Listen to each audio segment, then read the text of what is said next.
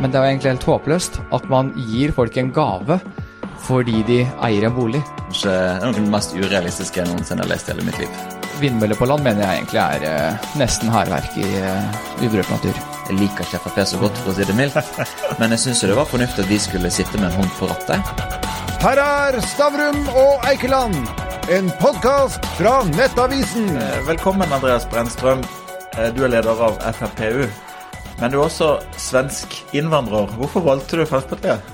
Eh, Jeg tror jeg valgte Fremskrittspartiet først av ganske enkle saker, vanlige saker. Skole var jo eh, veldig viktig, eh, eh, og spesielt når jeg var eh, yngre. Tilpasset opplæring eh, var en eh, viktig sak. Eh, Lavere skatter og avgifter eh, og bedre veier. Men etter hvert så har det nok blitt eh, mer over på det prinsipielle, det langsiktige perspektivet. Og nå tenker jeg kanskje at det aller viktigste er at vi skal være et av verdens beste land å bo i også i fremtiden. Det er jo sånn at Våre foreldre har vært gjennom en formidabel klassereise. Man eh, starta eh, som et av ja, et passe vanlig land i eh, Europa hvor man arvet alle klærne, og hvor utenlandsferien bare fantes i drømmene. Mens nå bor man i verdens rikeste land, verdens beste land. Og hvis vi skal ha det i fremtiden, så tror jeg at vi må ha en offensiv næringspolitikk og skape flere arbeidsplasser. og Bruke oljefondet litt mer aktivt. Da. Til investeringer. Eh, så, så mener jeg det. Til drift er jeg mer usikker.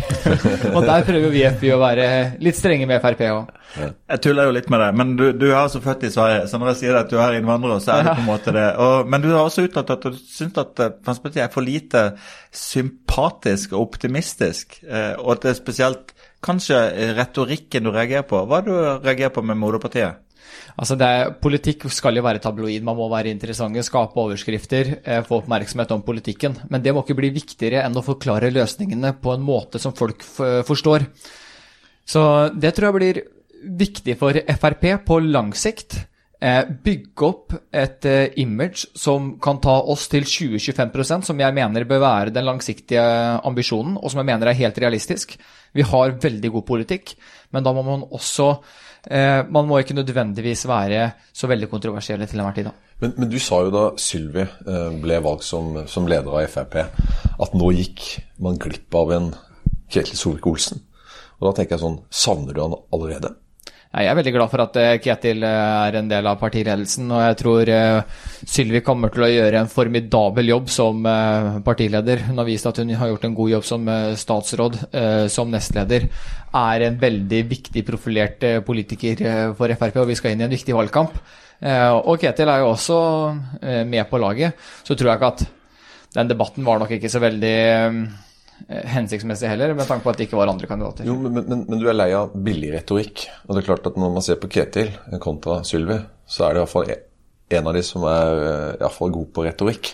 Ja, men begge to eh, har eh, sine styrker og fronter FrPs eh, politikk, så det eh, Jeg tror ikke forskjellen er så veldig stor, men eh, Men hvis sjansen byr seg igjen for Sylvi eh, å reise til Sverige rett før eh, valget Altså, Det redda jo valget for dere i fjor, nei, for fire år siden. Ja, det vet jeg ikke, men Ville du anbefalt noen å gjøre det igjen? jeg ville kanskje ikke anbefalt dem å gjøre det. Jeg tror det lønner partiet på kort sikt. Det kan hende at vi får eh, fokus eh, på våre fanesaker i, i valgkampinnspurten, men jeg tror at dere på lang sikt så kan partiet se på som litt mer lettbeinte, litt mer flåsete, ikke like eh, anstendige og, seriøse, og det mener jeg Fremskrittspartiet skal være. og Derfor mener jeg at det finnes andre, bedre eh, måter å gjøre det på. fordi politikk det er ikke en sprint, det er en maraton. Eh, og valgkampen er allerede i gang. Så man må tenke veldig langsiktig. Og så tror jeg også, det er kanskje litt kontroversielt å si det som Frp-er, eh, men det er ikke nødvendigvis det valget her Frp skal vinne. Nå har vi sittet syv år i regjering. Det har eh, naturligvis ført på en slitasje både på velgeroppslutningen og på eh, partiet. Eh, så jeg tenker at dere, nå må vi eh, selvfølgelig gjøre et best mulig valgresultat. Kjempe for alle mandater som vi kan få inn på Stortinget. Men vi må også løfte blikket litt og se hvordan skal Frp nå 20-25% på lang sikt, og kanskje allerede i 2025. Jeg har bare lyst til å spørre litt om noen sånne verdispørsmål for å plassere deg i, Fremskrittspartiet. Um, Fremskrittspartiet rommer jo folk som er på en måte kristen-nasjonalistiske på den ene siden, og folk som er ultraliberalistiske på den andre siden. Hvordan vil du plassere deg på en sånn skala? Jeg vil, eh, og det har jeg lenge sagt, at jeg er en eh, moderat FPU-er. Eh, Så jeg er nok eh, kanskje litt på den liberalistiske siden i eh, Frp, men jeg er nok en moderat Frp-er også. Jeg er Og det som kanskje skiller folk på den liksom veldig liberalistiske og veldig konservative siden i Frp, er kanskje innvandringspolitikken. Men der er også FPU og jeg helt ærlig på at Frp har den overlegent beste innvandringspolitikken. Men hvor mange kvoteflyktninger vil du ha? Eh, jeg syns at dere Vi kan ikke ta imot flere enn vi lykkes med å integrere, i hvert fall. Og det er egentlig det aller viktigste spørsmålet. Og så eh, vil nok det her variere fra år til år, så det er kanskje vanskelig å sette et sånt bestemt tall på antall kvoteflyktninger. Men eh, vi bør bidra, det bør vi. La oss, la oss ta noen sånn frihetsspørsmål, da, siden du på en måte plasserer deg litt på den liberalistiske siden. Eh, bør vi selge vin og brennevin i butikken? Ja. Bør eh, marihuana være lovlig å røyke? Ja. Eh, Bør folk i prinsippet kunne flytte til hvilket land de ønsker å bo i? Ja. Så hvorfor er du ikke for fri innvandring til Norge? Hvis man eh, legger til, altså, til grunn fri innvandring til Norge, eh, så vil jo det øke velferdssamfunnets utgifter radikalt. Eh, og det er det jo til slutt noen som må ta regningen for, og det er eh, skattebetalerne. Så, så fremt noen altså, Jeg mener hvem som helst kan bosette seg eh, i Norge, men de kan på en måte ikke forvente at eh, andre skal eh, finansiere det. Og da forutsetter det at vi lykkes med integreringen. Og da må vi også ha en eh, begrenset innvandring. fordi hvor godt vi lykkes med integreringen, henger sammen med hvor mange vi tar imot. Så det er et eh, stort bilde, og det er mange faktorer som henger sammen. Eh, ta et annet eh, brennende spørsmål, eh, nemlig klimaforandringer. Eh, er du enig i målsetningen som ligger i at vi skal begrense klimautslipp, så vi skal komme ned på 1,5-gradersmålet eh, globalt? Jeg tror det er viktig at vi begrenser eh, klimautfordringene, og at man eh, ja, kommer på et så lavt eh, nivå som mulig. Og det mener jeg alle er eh, helt enig i. Vi Selvfølgelig bør vi begrense forsøpling, forurensning og utslipp i, i naturen. Men, men har vi en klimakrise? Jeg syns kanskje det er flåsete å si klimakrise, men at vi har utfordringer som må tas på alvor, og som må gjøres med umiddelbart, det mener jeg. Og så er det kanskje noen som vil vedta krise på Stortinget. Jeg syns ikke at det er nødvendigvis det det handler om. Man får, havner fort Jeg er egentlig litt lei eh, klimadebatten, fordi man går fort i en felle hvor man diskuterer hvem som Det blir en sånn konkurranse om hvem som har de mest ambisiøse målene innen 2050, hvem som bruker de største ordene, eller hvem som vedtar klimakrise på Stortinget mest. Og det er ikke det det behandler om. Vi har nok av klimapessimisme, vi må også ha litt klimaoptimisme og finne de gode løsningene. Havvind, er det et godt tiltak? Eller eh, vindmøller på land?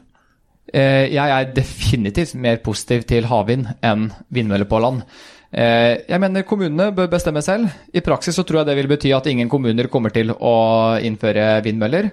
Fordi vi ser at effekten av vindmøller på land er marginal sett opp mot andre energikilder, vannkraft og fossile energikilder, og kjernekraft også, som jeg mener bør eh, bli moden for debatt i samfunnet eh, ganske snart, så at vi skal kunne få det lønnsomt og trygt om et par tiår. Men eh, vindmøller på land mener jeg egentlig er nesten hærverk i uberørt natur. Men, men jeg hører deg nå. Altså, du sier at du er en moderat liberalist i partiet. Jeg syns du er en, mye mer enn en moderat liberalist. Eh, Hvordan skal du klare å, å fange opp begge leirene her? For dere, altså, Det er jo ikke noe tvil om at eh, Frp er bygd opp på, på ikke bare liberalistene. Nei, og eh, Frp har eh, Jeg vil ikke si fløyer, men eh, to forskjellige eh, forankringspunkt, da. Eh, noen verdsetter på en måte noen saker, eh, mens andre setter noen saker eh, høyere. Men det tenker jeg at man lever fint med, og det tror jeg egentlig at Frp har vært veldig godt tjent med. Fordi disse sidene, de konkurrerer, argumenterer og kjemper om å eh, vinne frem. Og det er positivt, fordi da vinner de beste argumentene, de beste poengene, og da kommer partiet frem til de beste løsningene. La oss si at du nå var på et eh, skolevalg, eh, og så skulle du trekke fram et par saker som du antar at eh, skoleelevene ville like å høre fra Fremskrittspartiet. Hva er de beste sakene dine? Jeg tror at dere, altså Skatter og avgifter er egentlig en selvfølge for FBU i, i både skolevalg og stortingsvalg. Eh, Lavest mulig. lavest mulig, helt riktig, og færrest mulig. Eh, men eh, i år så tror jeg faktisk arbeid kommer til å bli ekstra viktig. Og det er også noe vi i FBU har vedtatt som en av våre aller viktigste valgkampsaker. Og det henger jo også veldig tett sammen med skatter og avgifter. Og eh, olje og gass, så, og, og flere ting, egentlig. Så arbeid tror jeg kommer til å være kjernen i, i eh, mye. Eh, utover det så tror jeg også utdanning som vanlig kommer til å bli en veldig viktig sak for eh, ungdom. Og der har vi også en veldig god og tydelig politikk hvor vi sier vi skal ha mer tilpasset opplæring, mer makt til elevene eh, og studentene, slik at de kan styre mer av sin egen skolehverdag. Og det tror vi også er løsningen for å få en skole i verdensklasse. Helt til slutt nå. Um, And Andreas uh, Brennstrøm, hvem er du? Altså, du, du er svensk innvandrer, men hvem er du? Ja, eh, jeg er født i Sverige, men flytta til Norge ganske tidlig og har gått hele skoleløpet fra første klasse på barneskolen i, i Norge. Flytta vel da jeg var eh, fem år. Men jeg er en eh, veldig samfunnsengasjert eh, 27-åring. Er også selverklært sportsidiot, pleier jeg å si. Eh, veldig opptatt og interessert i eh, sport. Konsumerer enorme mengder sport hver eneste dag. eh, og um, alle mulige eh, sporter. Alt fra eh, fotball til eh, ishockey til golf og Formel 1. Og syns det er eh, interessant. Eh, ellers så vil jeg si at det er eh, ja, eh, Kommer fra Sarpsborg og er energisk og ja. Og så er det Andreas, da setter vi strek på deg her, men vi kommer tilbake til deg litt senere i sendinga. Velkommen, Sondre Hansmark, leder i Unge Venstre. Du har en bakgrunn fra Samlingen politikk i Bergen. Det har blitt en sånn utkledningsinnstand for, eh, for politikere. Det er jo for det og samfunnsøkonomi og juss og sånt som, som er det, de skolene man må gå, da. Men, eh, som for øvrig litt synd, da. Jeg skulle ønske det var mer variert eh, bakgrunn i politikken, men jeg er nok en av de som har gått en slags statsvitenskap-utdannelse. Og da hadde du Frank Aarebrot. Jeg hadde Frank Aarebrot. Jeg var jo så heldig at jeg fikk ha han et par år før han døde. Og det, de timene husker jeg godt, altså. Og jeg er veldig glad for at jeg fikk være en av de som fikk oppleve liksom, formidlingsevnen og kunnskapen hans. Altså. Det, det kommer jeg til å huske. Men hvorfor valgte du Unge Venstre? Det, det handler om at i, på den tiden, eller litt før jeg begynte på universitetet, så var det veldig store demonstrasjoner i, i Bergen knyttet til en sånn eh, asylsak. Jeg husker det var en gutt som het Nathan, som hadde bodd i eh, Arna, en bydel i Bergen, hele livet sitt. Og han skulle sendes tilbake til et land som han aldri husket så vidt, og kjente ikke språket. Og han eh, snakket kav bergensk, hadde alle kompisene sine i Bergen og sånn, så han, eh, han skulle kastes ut. Og jeg husker å være med og demonstrere mot det. Og tenkte at nå må jeg melde meg inn i et parti som, som ønsker at asylbarna skal få lov til å bli, og da var det Venstre som var det naturlige alternativet for meg. Hvorfor ikke Rødt, SV og alle andre partier som mener det samme? Nei, for jeg nok eh, hadde nok en tydelig borgerlig grunnholdning. Eh, Jeg har alltid ment at det er enkeltindividet som er byggesteinen i samfunnet. At politikk handler om enkeltindivid, ikke familier, klasser, trossamfunn eller nasjoner. Så det var nok eh, den kombinasjonen med troen på enkeltmennesket og et ønske om at asylbarnet skulle få lov til å bli, da, da var det Venstre som var naturlig. Sett utenfra så kan du si at Venstre på en måte rommer alt. Det, er fra ultraliberalistiske personer til ganske sånn eh, konservative eh, pers- personer. Det er godt gjort i et så lite parti. Hva kommer det av? Nei, kanskje at vi var eh, landets største parti på et tidspunkt. På 1800-tallet så var det jo, hadde jo Venstre gjerne over halvparten av stortingsrepresentantene. Og vi har på en måte vært et bredt prosjekt hele veien. Altså at Vi har rommet alt fra bønder og lekmenn og lærere og byradikalere og litt sånn antistatfolk i distriktene. Så vi har vært et ganske bredt folkeparti. Så har kanskje folkepartidelen forsvunnet litt med årene, men, eh, Men vi er jo en bred allianse av liberalere som jeg mener godt ivaretar den liberale tradisjonen i Europa. For det er jo litt sånn vanskelig å peke på akkurat hvilke standpunkt som er liberale og ikke. Det er en ganske bred D-tradisjon, så jeg er jo glad for at kanskje vi har forskjellige deler av liberalismen representert i Venstre.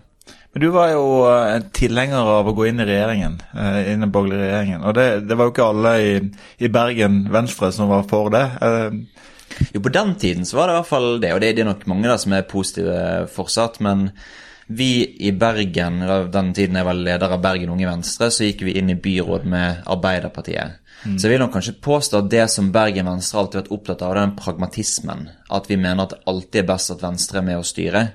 Så det har i hvert fall liksom preget min holdning i det spørsmålet også. Ikke at jeg eh, på noen måte jeg liker ikke Frp så godt, for å si det mildt.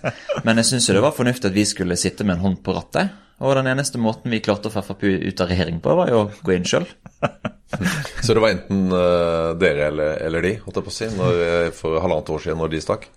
Nei da, det var nok ikke det. Vi uh, var nok fornøyde i den regjeringen og mente at vi fikk ganske mange gjennomslag. Og det var en Frp som gikk ut fordi at de mente de fikk uh, for lite. Men jeg vil nå alltid mene at Venstre hører hjemme i en regjering, og at vi velger de partiene og det alternativet hvor vi får mest gjennomslag. Jeg mener nok en gang i år at det er helt soleklart på borgerlig side. Det ser man jo i de nyeste altså utviklingen i rusreformen, i hvilken frihet elevene skal i skolen, i klimapolitikken. Så er det ganske åpenbart for meg hvilken side Venstre får eh, aller mest gjennomslag på. Men du, du, du våkner altså politisk som følge av en asylsak. Um, og du er tilhenger av hva da, 5000 kvoteflyktninger til Norge? Minst. Hvorfor ikke, ja, jeg skal ikke spørre, hvorfor ikke flere? Hvor mange? Nei, det, det som står i både Unge Venstres og Venstres partiprogram, er at vi skal minst følge den anbefalingen som FN gir oss. Eh, og akkurat nå så mener FN at Norge bør ta imot 5000 kvoteflyktninger. Jeg mener det skal være et slags minimumskrav til hva vi burde bidra med internasjonalt. Men hvordan har dere tenkt å gjøre det? Altså, I dag er det vel er det 3000 ca. 3000, ikke sant? Eh, de skal jo integreres på en god måte, eller komme hit og bli behandla på en god måte. Hvordan har dere tenkt å gjøre det? Nei, altså det, det som er litt interessant, det er jo mange Hvis du spør nordmenn, så tror halvparten tror at integrering går i gal retning. Jeg tror det er 15% som tror den går i riktig, og resten vet ikke. Og hva er fasiten? Jo, det går i riktig retning.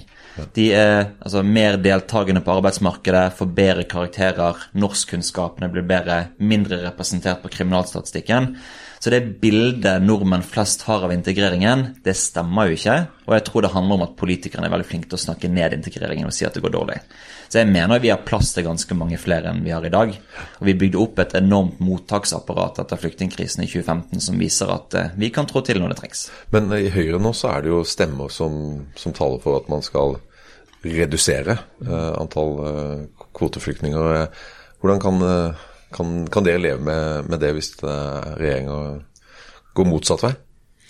Nei, det vil jo være veldig vanskelig, men jeg vil jo påstå at da Venstre gikk inn i regjering, så var det, det var vi som vant liberaliseringene. Det var flere kvoteflyktninger, eh, flere asylbarn fikk lov til å bli i landet. eh, asylsøkere på mottak fikk lov til å jobbe. Så jeg mener det var vi som vant den dragkampen, og ikke Fremskrittspartiet. Men så må du se på andre siden av politikken. da. Hva er det som skjer der? Sant? Arbeiderpartiet ser jo nå til Danmark, hvor de har lyst til å avvise asylsøknader på grensen, asylmottak i utlandet, eh, avvikle asylinstituttet. Og Senterpartiet er jo med på den utviklingen. Så det er nok et større problem at nå har du fire veldig store partier på Stortinget som vil dra norsk asylpolitikk i en veldig, veldig stram retning. Eh, og da er jeg glad for at Venstre har en fot innenfor døren og, og er med å stoppe det og liberalisere istedenfor. Litt over til et annet, tema, skatter og avgifter. Nå har jo Venstre en nylig landsmøte i en situasjon hvor man ser sperregrenser nedenfra. Er det så lurt å gå inn for inn, innføre arveavgifter? Du, Vi gikk ikke inn for det. det landsmøtet avviste at vi skulle ha en avgift. Jeg personlig er jo tilhenger av det. Men det er jo ikke det fordi at du- ja. jeg, jeg vil ikke ha økte skatter. Det er sånn viktig for meg å si. Jeg mener jo at skattenivået i Norge burde ligge enten omtrent på dagens nivå eller senkes noe. Jeg tror det er vanskelig de neste fire årene å love store skattekutt, fordi at handlingsrommet i økonomien er blitt veldig trangt, og da har vi ikke råd til det. Men jeg mener jo at vi har rom for å forbedre skattesystemet veldig mye i Norge. Jeg syns det er altfor høy skatt på inntekt, verdiskapingsselskaper, og for lav på fast eiendom, arv, formue. Så jeg vil jo rett og slett bare skifte skattebyrden litt vekk fra det som skaper verdier, vekk fra folks lommebøker og over på litt sånn de som har råd til å betale litt mer enn de gjør i dag. Men, men altså, hvis du ser på oljefondet i dag, det er jo 11, ja, godt over 11 000 milliarder eh, kroner blitt. Um, det er jo blitt så stort nå eh, at inntektene fra det, de årlige inntektene fra det begynner jo nå å bli såpass høye. Og det, har ikke til nå på, for jeg har brukt mye av oljefondet nå de siste årene, og det har ikke påvirka inflasjonen sånn som mange sosialøkonomer har sagt. Kan man ikke bare redusere avgiftene litt mer? Og skattene, og så kan vi heller bare bruke litt mer av, av avkastninga på oljefondet? Nei, det er ikke tale om. Nei, altså, det, det, mener jeg er veldig utrygt. Sånn. Ja. Kanskje hvis norske kronen styrker seg, da reduseres oljefondets verdi ganske drastisk. Det kan skje. Mm. det jeg er enda mer bekymret for, er kanskje at eh, for oss som hørte på uh, årsmøtetall til sentralbanksjefen, som jo sa at eh, i framtiden så kan det godt hende at avkastningen ligger nærmere 2% enn 3 mm. eh, Og nå har jo Venstre gått inn for at man skal senke handlingsregel fra 3 til 2,5% For hvis det, den spådommen slår til, så vil vi sakte, men sikkert begynne å tappe oljefondet for verdi. Sørge for at fremtidige generasjoner sitter igjen med mindre enn det dere har fått. Så det syns vi ikke vi skal gjøre. Jeg syns oljefondet skal spares til eh, også fremtidige generasjoner. Akkurat det poenget der. altså Nå er jo du da en generasjon som arver 11 000 milliarder kroner og tidenes investeringer i infrastruktur. Hva er det dere er så pessimistiske på? Nei, for jeg syns ikke det er vi som arver de 11 000 milliardene. Vi arver noe av avkastningen. Men så skal vi også gi det oljefondet videre til neste generasjon igjen. Sånn at de kan bruke avkastningen fra det til gode velferdstilbud, løse klimakrisen og gode pensjoner. Så vi, det er ikke sånn at vi kan plukke fra de 11 000 milliardene hver gang vi har lyst på litt mer eh, penger. Men eh, det er veldig mye som går i riktig retning i Norge, det skal vi ikke, skal ikke tvile på. Men det er jo klart at min generasjon kommer til å møte noen store utfordringer på boligmarkedet, på arbeidsmarkedet. Du ser at flere unge nå er mye mer bekymret enn på noensinne for om de kommer til å ha en jobb i framtiden. Boligprisene skyter i været. Det blir mye mindre penger å bruke over statsbudsjettet i løpet av de neste årene, så det finnes også gode grunner til å rope litt varsko. Helt til slutt i denne sekvensen, Hva tror du er mest sannsynlig? At Venstre kommer over sperregrensen, eller at Brann overlever? Oh! Det tror jeg er ganske åpenbart. Det er selvfølgelig Venstre. Men eh, altså vi, eh, vi, går, vi, pleier alltid å løfte oss ett prosentpoeng i valgkampen. Så hvis vi går inn nå i sommeren med over 3% så så klarer vi dette. Sondre, takk for nå. Vi kommer tilbake med deg og Andreas fra FrPU. Eh, velkommen, Andreas Brennstrøm fra FrPU og Sondre Hansmark fra Unge Venstre. Takk for det. Andreas, hva er det mest ondskapsfulle du kan si om Unge Venstre? Uh, ja, det er jo ikke en uh, lett jobb, men uh, det styggeste jeg kan si om Unge Venstre, er vel kanskje at jeg syns de noen ganger er litt feige. De tør ikke å ta debattene. Sondre, er du like feig, eller hva er det styggeste du kan se om FrPU? Jeg, skal, jeg kan dra litt ned på. Jeg tenker, jeg tenker, at jeg har lest eh, partiprogrammet til FPU, og det er kanskje det er noe av det mest urealistiske jeg noensinne har lest i hele mitt liv. Fordi? Ja, det er jo eh, Det går altså så langt i retning nattvekterstaten å avskaffe alt av offentlige velferdstjenester og forskning og sykehus sånt, at det, det trodde jeg ikke var mulig å skrive et partiprogram. Hvorfor har du valgt å gå så ekstremt til verks? Nei, Vi har ikke gått så ekstremt til verks. Eh, og vi ønsker jo ikke å avskaffe eh, sykehus og andre tjenester, men vi vil at private som kan gjøre det bedre, skal få muligheten til det. Og det mener jeg egentlig bare burde vært en eh, selvfølge i et fritt marked. Men, men Sonde han mener at det minst skal tas imot 5000 kvoteflyktninger her, her i Norge. Det er vel galskap, er det ikke? Nei, jeg syns eh, det kan hende at vi har muligheten til å gjøre det et gitt år, men å sette det som et minimum syns jeg eh, blir veldig klønete. Fordi man er nødt til å se hva er kapasiteten, hva har man muligheten til, hva kan man eh, lykkes med å integrere. Det er det som bør være fokuset, og da bør man ikke sette en sånn minimumsgrense. Man bør heller se hva er det vi har muligheten men, til men, å ta inn. Det er, det er jo mye lidelse der ute. Uh, vi har det veldig godt her i Norge, det er mye lidelse der ute. og, og er ikke vi forplikta som et av verdens rikeste land, uh, målt i innbyggerantall, å, gjøre vår jobb og ta imot uh, mest mulig? Jo, det syns jeg faktisk. Eh, og det er eh, av flere grunner. For det første, som du sier, vi er et rikt land. Vi har et overskudd som vi har muligheten til å bruke til å løfte andre opp. Det mener jeg er en moralsk forpliktelse. Og så har Norge også vi er, et trygt land, vi er et stabilt land. vi har et forutsigbart politisk system. Vi har på en måte muligheten til å hjelpe også. Så det syns jeg vi skal gjøre, men jeg mener at verden er nødt til å finne en annen måte å hjelpe på enn det asylsystemet som egentlig var ment for, var ment for noe helt annet for mange mange år siden. Nå står verden i en helt annen uh, situasjon, og da må vi hjelpe mer i nærområdene. Da får vi hjulpet flere og mye bedre. Er ikke det et poeng, Sondre? Det er jo mange regnestykker som viser at du får mye mer ut av pengene ved å hjelpe folk i nærheten av der de har flykta fra, enn å integrere folk til Norge? Jo, det er helt riktig, men uh, alle kan ikke hjelpes der de er. Uh, det fins eh, homofile, dissidenter, enslige mødre i flyktningleirer som ikke kan leve trygge liv der. og Det er derfor vi henter kvoteflyktninger til Norge. Det er derfor jeg mener det bør økes. Men jeg mener vi bør gjøre flere ting. Vi skal både gi nødhjelp til nærområdene, vi skal hente kvoteflyktninger, og vi skal også tillate folk å søke asyl på grensen vår. Da tror jeg du får kombinert det beste systemet i en tid hvor det er rekordmange folk på flukt her i verden. Og det må Vi huske, sant? Vi er fortsatt i en global flyktningkrise med over 80 millioner mennesker som har måttet forlate hjemmene sine. Halvparten av de er barn, og hvert femte sekund så legges det et nytt barn på flukt. Så jeg mener det er viktig at Norge bidrar mer enn det vi gjør i dag, til å løse den globale flyktningkrisen. Men la oss eh, bytte tema. Vi kjenner standpunktet deres nå. La oss gå på oljevirksomhet. Eh, bør Norge slutte å lete etter olje, og bør vi avskaffe leterefusjonsordningen?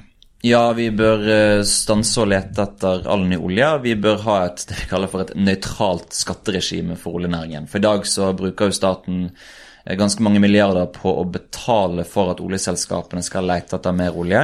Det tror jeg er en veldig, veldig dårlig tid en dårlig idé all den tid det medfører stadig større risiko.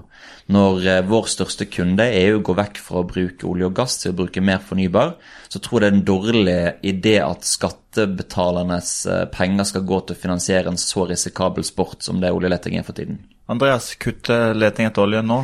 Nei, og For det første så syns jeg det er veldig misvisende at Unge Venstre sier at det er skattebetalerne som skal finansiere en risikabel sport, eh, oljeleting. Det er jo helt feil det er jo Altså, det norske velferdssamfunnet er helt avhengig av inntektene vi får fra olje og gass for å kunne finansiere viktige velferdstjenester som skole, sykehus og sykehjem og eh, veier. Så eh, det er en utrolig viktig inntektskilde. Ikke bare for samfunnet, for staten, men også for veldig mange familier. Altså vi, det er snakk om 225 000 arbeidsplasser som lever eh, av det her. Og jeg tenker det siste Norge trenger, i hvert fall etter eh, korona, er at 225 000 eh, får sparken og blir sendt ut i arbeidsledighetskø. Så jeg syns den politikken som uh, Unge Venstre og veldig mange andre partier, spesielt på venstresiden, fronter, er egentlig en gambling med fremtiden til kommende generasjoner. For det er de som må betale prisen for den håpløse politikken. Altså, de siste årene så har det allerede forsvunnet uh, titusenvis av uh, arbeidsplasser i oljenæringen, uten at folk vandrer arbeidsledige rundt på gaten av den grunn. Eller eh, på samme måte som at for 200 år siden så drev de fleste i Norge med primærnæringer, fiskeri og landbruk. Og selv om vi har omstilt oss til å jobbe med andre ting, så sitter ikke det mange bønder på gjerdet sitt og venter på å ha noe å gjøre. Så vi klarer jo alltid finne nye ting å jobbe med. Jeg mener at Norge skal bli det grønne batteriet i Europa. En ledende fornybar nasjon som kan utvikle ny grønn teknologi. Og det er jo der framtidens arbeidsplasser ligger, ikke ved å bevare det som eh, som er. Men, men, det vil jo koste den norske stat ekstremt mye penger å, å, å kutte olja så fort som, som dere vil. Altså, ja, vi, vi, vil ikke skrene over natten. altså Vi vil bare stanse oljeletingen. og Det betyr at man får en altså, gradvis og fornuftig utfasing, hvor du vil ha noe oppdrag til verftsindustrien, men hvor man tar en gradvis omstilling. Så det vil jo ikke være snakk om at vi mister disse arbeidsplassene over natten. Vi skal jo tilby omskolering, nye klimajobber, til de menneskene som blir, som blir rammet av at vi må gå over fra å være en fossil nasjon til å bli et fornybarsamfunn. For, for mange så er jo skolepolitikk viktig. Um, dere jo har liberale og til dels liberalistiske innslag begge to. Hva er galt med å ha private skoler hvor eierne tjener penger på å utdanne folk til å bli så gode som mulig i matte og norsk og engelsk? Ingenting. Jeg syns ikke nødvendigvis det er noe galt med det. Så dere går inn for det? Ja, altså, jeg opplever at det er mange som prøver å ta oss litt på dette. Sant? Hvorfor er det greit å ta ut profitt fra barnehager, men ikke fra friskoler? Jeg mener at begge deler burde vært tillatt, og det er mye bedre at vi regulerer den profitten. For det som skjer i dag, er jo at folk tar ut disse her via datterselskaper og holdingselskaper og bare jukser seg til profitt istedenfor. Så det er bedre at vi gjør det på ordnede former. Eh, Et annet tema er nå en boligpolitikk. I dag var det en ny undersøkelse som viste at de, de nye begrensningene på å ta opp lån gjør at veldig få kan kjøpe bolig i Oslo som førstegangsetablerere. Eh, Du går inn for å fjerne dette egenkapitalkravet og mener at bankene selv kan vurdere hvem som skal få lån. Hvorfor det? Det er fordi vi mener at det ikke nødvendigvis er hvor mye penger du har eh, i banken som skal avgjøre om du er skikket til å betjene et lån eller ikke. Og det er jo betjeningsgraden som er interessant. Er akkurat som om folk ikke skulle få lov til å handle mat på Rema 1000 hvis de ikke hadde en viss sum sparepenger på sparekontoen. Det er egentlig helt irrelevant. Og det fører til at det er Og vi må være ærlige og si at det, er ikke de som har spart opp selv, som kommer inn på boligmarkedet i dag. De unge som kommer inn på boligmarkedet, de kommer inn fordi de har foreldre som kan kausjonere for egenkapitalen. Og det gjør jo Altså, vi har laget et system, det er nesten for utrolig til å være sant, som sørger for at forskjeller går i arv.